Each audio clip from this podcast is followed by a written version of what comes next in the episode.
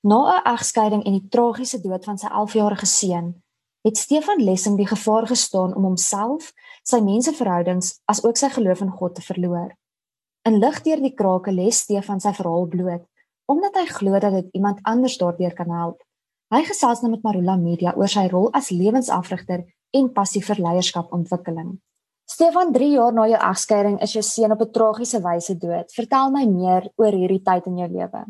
Ja, Christa, baie dankie. Die egskeiding op sigself was vir my 'n baie moeilike tyd en 'n mens was eintlik op baie stadium wat jy net gereed was om weer op te staan. En uit die boek uit sal julle ook sien dat ek uitgedaag is om my lewensdroom weer te begin volg en daaraan te begin glo.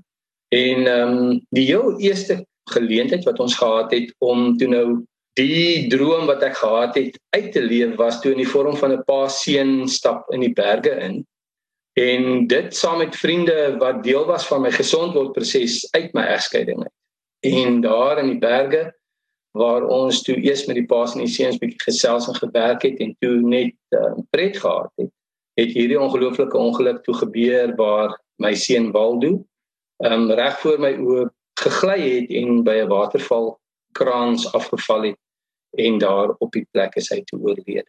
Dit is waar die groot groot tragedie op die rug van my seer egskeiding toe nou maar eintlik maar teen die grond neergegooi het, ja. Stefan, dit is my ook interessant net voor daai toneel in die boek waar jy dan nou vertel van die tragiese gebeurtenis in daai dag by die waterval. Het jy 'n kort deel ingesit waar jy amper 'n brief skryf of dit is amper asof jy 'n dagboek inskrywing skryf namens jou seun. Hoekom het jy besluit om dit ook in te sit? Dit is nog interessant om uit sy perspektief dit te ervaar hoe hy vir jou wag, hoe opgewonde is oor hierdie dag. Ek het op my eie manier probeer 'n bruggie bou tussen die seer wat hulle moes deurgaan van my egskeiding my kennis van wie hy is, hoe hy na die lewe kyk, my ervaring van sy verwagtinge rondom sekere goed wat ons gaan doen, sy groot opgewondenheid die dag voor die pasie en uitstappie. En dan ook dink ek om so 'n bietjie al van 'n variasie te bring in die lees van die boek dat alles nie half net uit pa se perspektief kom nie. Het ek die kans gevat om my so 'n bietjie in sy skoene te sit en so 'n bietjie te gaan skryf wat ek dink sy ervaring was van die dag in aanloop tot hierdie ongelooflike tragedie. En um, Ja, dis goed om te hoor dat dat jy daai deel geniet het. Ek het nog nie vreeslik baie terugvoer gekry oor daai deel van die boek nie, maar ek dink dit was die oorweging geweest. Het dit jou ook gehelp om heel te word en die helingsproses aan die gang te sit? Dis 'n vraag wat mense eintlik baie lank oor kan gesels want die heel word proses is nog steeds aan die gang.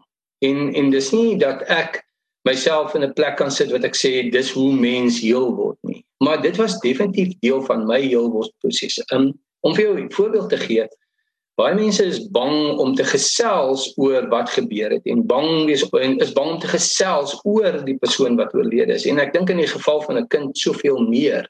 Maar as 'n mens deur so 'n ding gewerk het, is daar 'n deel van jou wat die mooi wil onthou, wat wil gesels daar's 'n deel van jou wat ongelooflik dit geniet om te hoor hoe hierdie mens ander mense geraak het, hoe hy na die lewe gekyk het.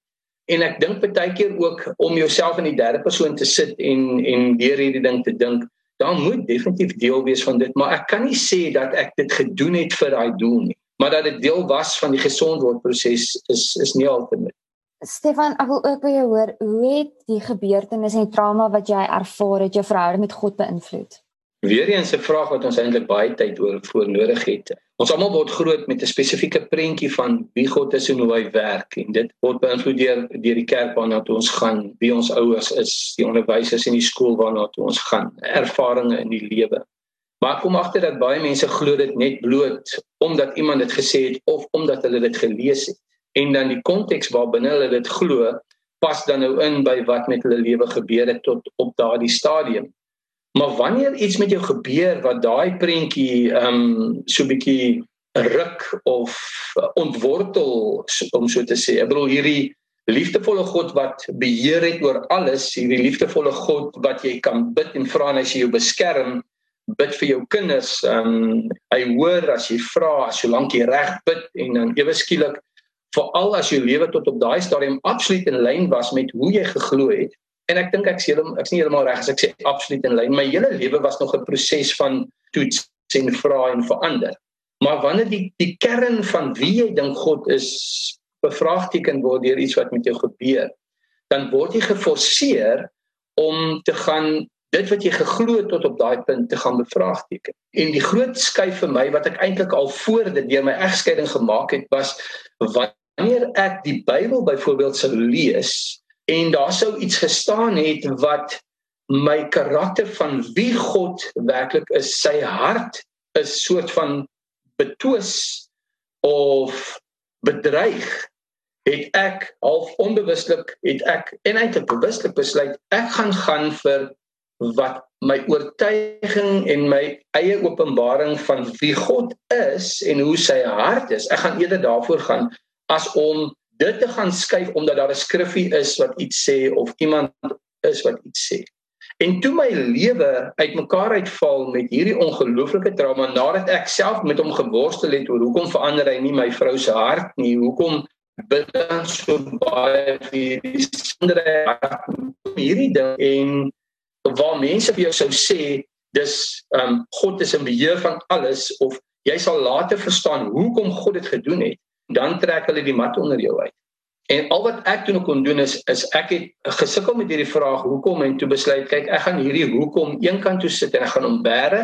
Ek weet nie hoekom nie, maar ek kies om te glo dat hy liefde is. Ek kies om te glo dat hy dit nie gedoen het dat hy dit nie gewil het dat hy dit nie beplan het vir 'n rede maar dat iets verskriklik slegs met my gebeur maar vanuit sy liefde aan my is sy enigste plek daai van 'n pa wie se kind seer gekry en is om dit te help. So ek het al ek het al besluit dat die slegste van sleg gaan ek ophou vra hoekom. En daai skriffie in 1 Korintiërs 13 vers 9 wat sê ons ken net ten dele. Hy sê selfs daar Paulus sê daar Paulus sê ons profeteer ten dele. In ander woorde al is dit iets wat ons glo ons van God gekry het, is dit nog ten dele want ons is vasgevang in hierdie tydelike tyd waarvan ons alles verstaan. Dan moet daar 'n groot deel wees wat ek nie verstaan nie selfs van hoe God dinge doen en werk. En dat ek gaan ophou vra hoekom en ek gaan uitkom by 'n ander vraag wat sê hoe nou en die oomblik toe ek ophou hom bevraagteken het ek net daai deel wat ek gekies het om te glo het ek begin beleef 'n pa wat by my sit 'n pa wat my vertroos 'n pa wat my vashou 'n pa wat my in die oggende help opstaan as ek voel ek kan nie opkom nie en dis nie te sê dat dit is my totale belewenis van hom van toe af en my hele lewe was toe nou honky dory soos die Engelsman sê of ek weet nie of dit Engelse woord is nie maar dat my lewe nog steeds opstaan en val is, maar dit nie verander wie God in sy aard en sy karakter is en daai woordskrif wat sê God is liefde. Hy het nie liefde nie, hy wys nie liefde nie, hy is liefde. Is waarna ek vasgeklou. Stefan, jy het toe nou besluit om 'n boek te skryf. Jy het besef dat jou storie ander mense kan help en ook dat jy ander mense wil help en bemoedig. Waarom het jy toe besluit om 'n boek te skryf? Ek het baie vroeg na die tragedies in my lewe het ek twee goed besef. Die eerste ding is dit help my om daaroor te praat.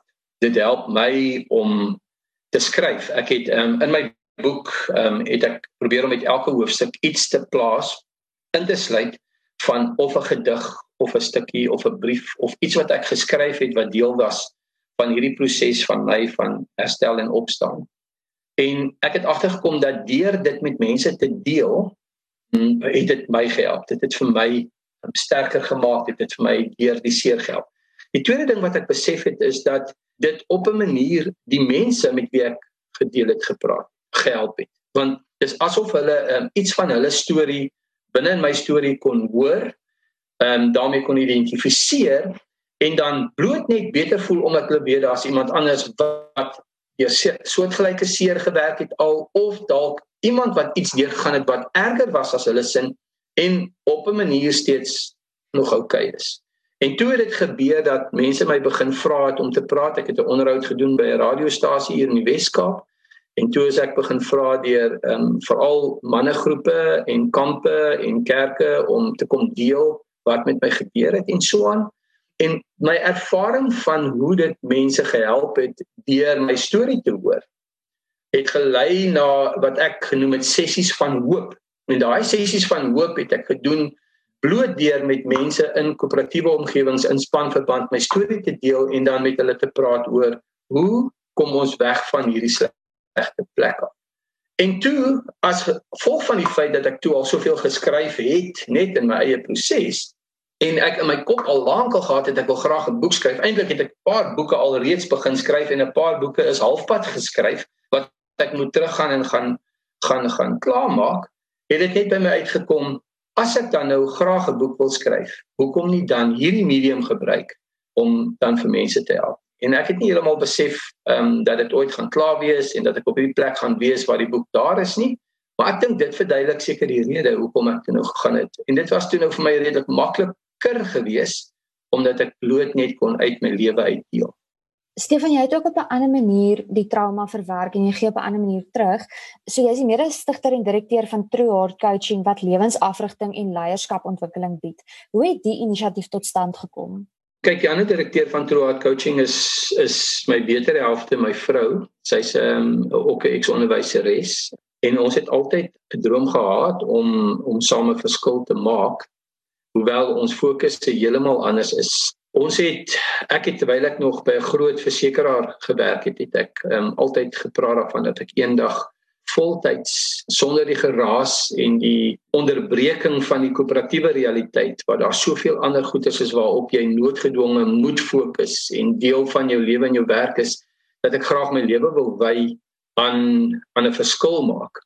En toe het ek eh, vir my maatskappy het ek moes Indië toe gaan om 'n werk te gaan doen. Ek het altyd redes gegee hoekom nie nou nie. Ek het altyd gesê ek is besig om skoolgeld te betaal. Ek is besig om my dinge in plek te kry. Ek is besig om nog te kyk hoe en waar en wanneer gaan ek dit doen. En toe ek in Indië is, het ek 'n storieboek gelees van 'n meisie wat al die groot drome gehad het en toe eindig sy op in prostitusie. Sy wou 'n aktrise word en sy wou 'n danser word en sy's agter iemand aan wat beloftes gemaak het en toe hierdie dinge nie werk nie om 'n lewe te kon maak het sy in prostitusie opgeëindig. En ehm um, al hierdie verskonings gehad hoekom sy nie haar droom volg nie. Hoekom sy nie doen wat sy veronderstel is om te doen nie en en en. Toe in die boek skryf sy op 'n stadium um, in haar joernaal sit en kyk sy na mense wat rond beweeg en sy sien al hierdie mense wat op pad is werk toe en terug. En sy skryf in haar joernaal hierdie mense is almal soos ek. Hulle almal het eintlik 'n groot droom waarmee hulle moet besig wees. En hulle almal gee hulle tyd en hulle energie vir iets wat hulle nie gelukkig maak nie maar hulle het almal hulle lot verskonings hoekom hulle dit doen. So inderwaarheid is hulle almal prostituie. Dit het my absoluut getref um dat dis presies wat ek besig was om te doen. En ek het huis toe gekom en ek het vir my vrou gesê, weet jy wat, ek is besig om verskonings te maak en verskonings te maak om nie hierdie droom van my te volg nie en ek en ek dink is vrees onder andere en en daarom het ek besluit dat ek moet hierdie dapper stap neem en uit prostitusie uitkom. En nie meer sê ek nie dat mense wat in koöperatiewe wêrelde werk in prostitusie is nie. Moenie my verkeerd verstaan nie. Daar's baie mense wat in groot koöperatiewe uh instansies werk en absoluut geluk, gelukkig is en dis wat hulle is en wie hulle is en wat hulle wil doen. Ek praat van mense wat verskonings maak vir wat, uh, hoekom hulle nie doen wat hulle eintlik graag wil doen.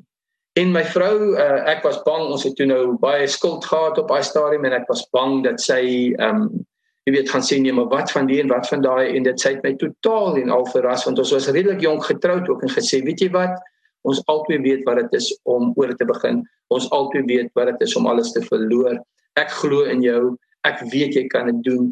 Ek is met jou. En dit was die begin toe nou van die paadjie wat ons gestap het om mense te help met hulle lewe in die algemeen en om terug te gaan in die koöperatiewe wêreld waar die beginsels van gesonde lewe nie so verskillend is as die beginsels van gesonde lewe by die huis nie.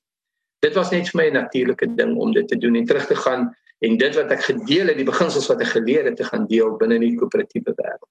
Ek dink dit dit seker word op hoe ons opgeëindig het waar ons nou is. Stefan, jou boek Lig deur die krake is reeds beskikbaar. Waar kan lesers dit aankoop en kan hulle jou kontak op sosiale media?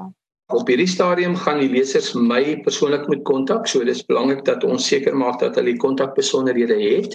As iemand belangstel om die boek te koop, moet hulle op hierdie stadium na my toe kom. Ons is werklik was so verras oor hoe die boek verkoop het. Die eerste druk is totaal al uitverkoop. Ek het vanoggend dit ek net ehm um, kennisgewing ontvang dat die tweede groep boeke het gearriveer dat ek dit moet gaan afhaal.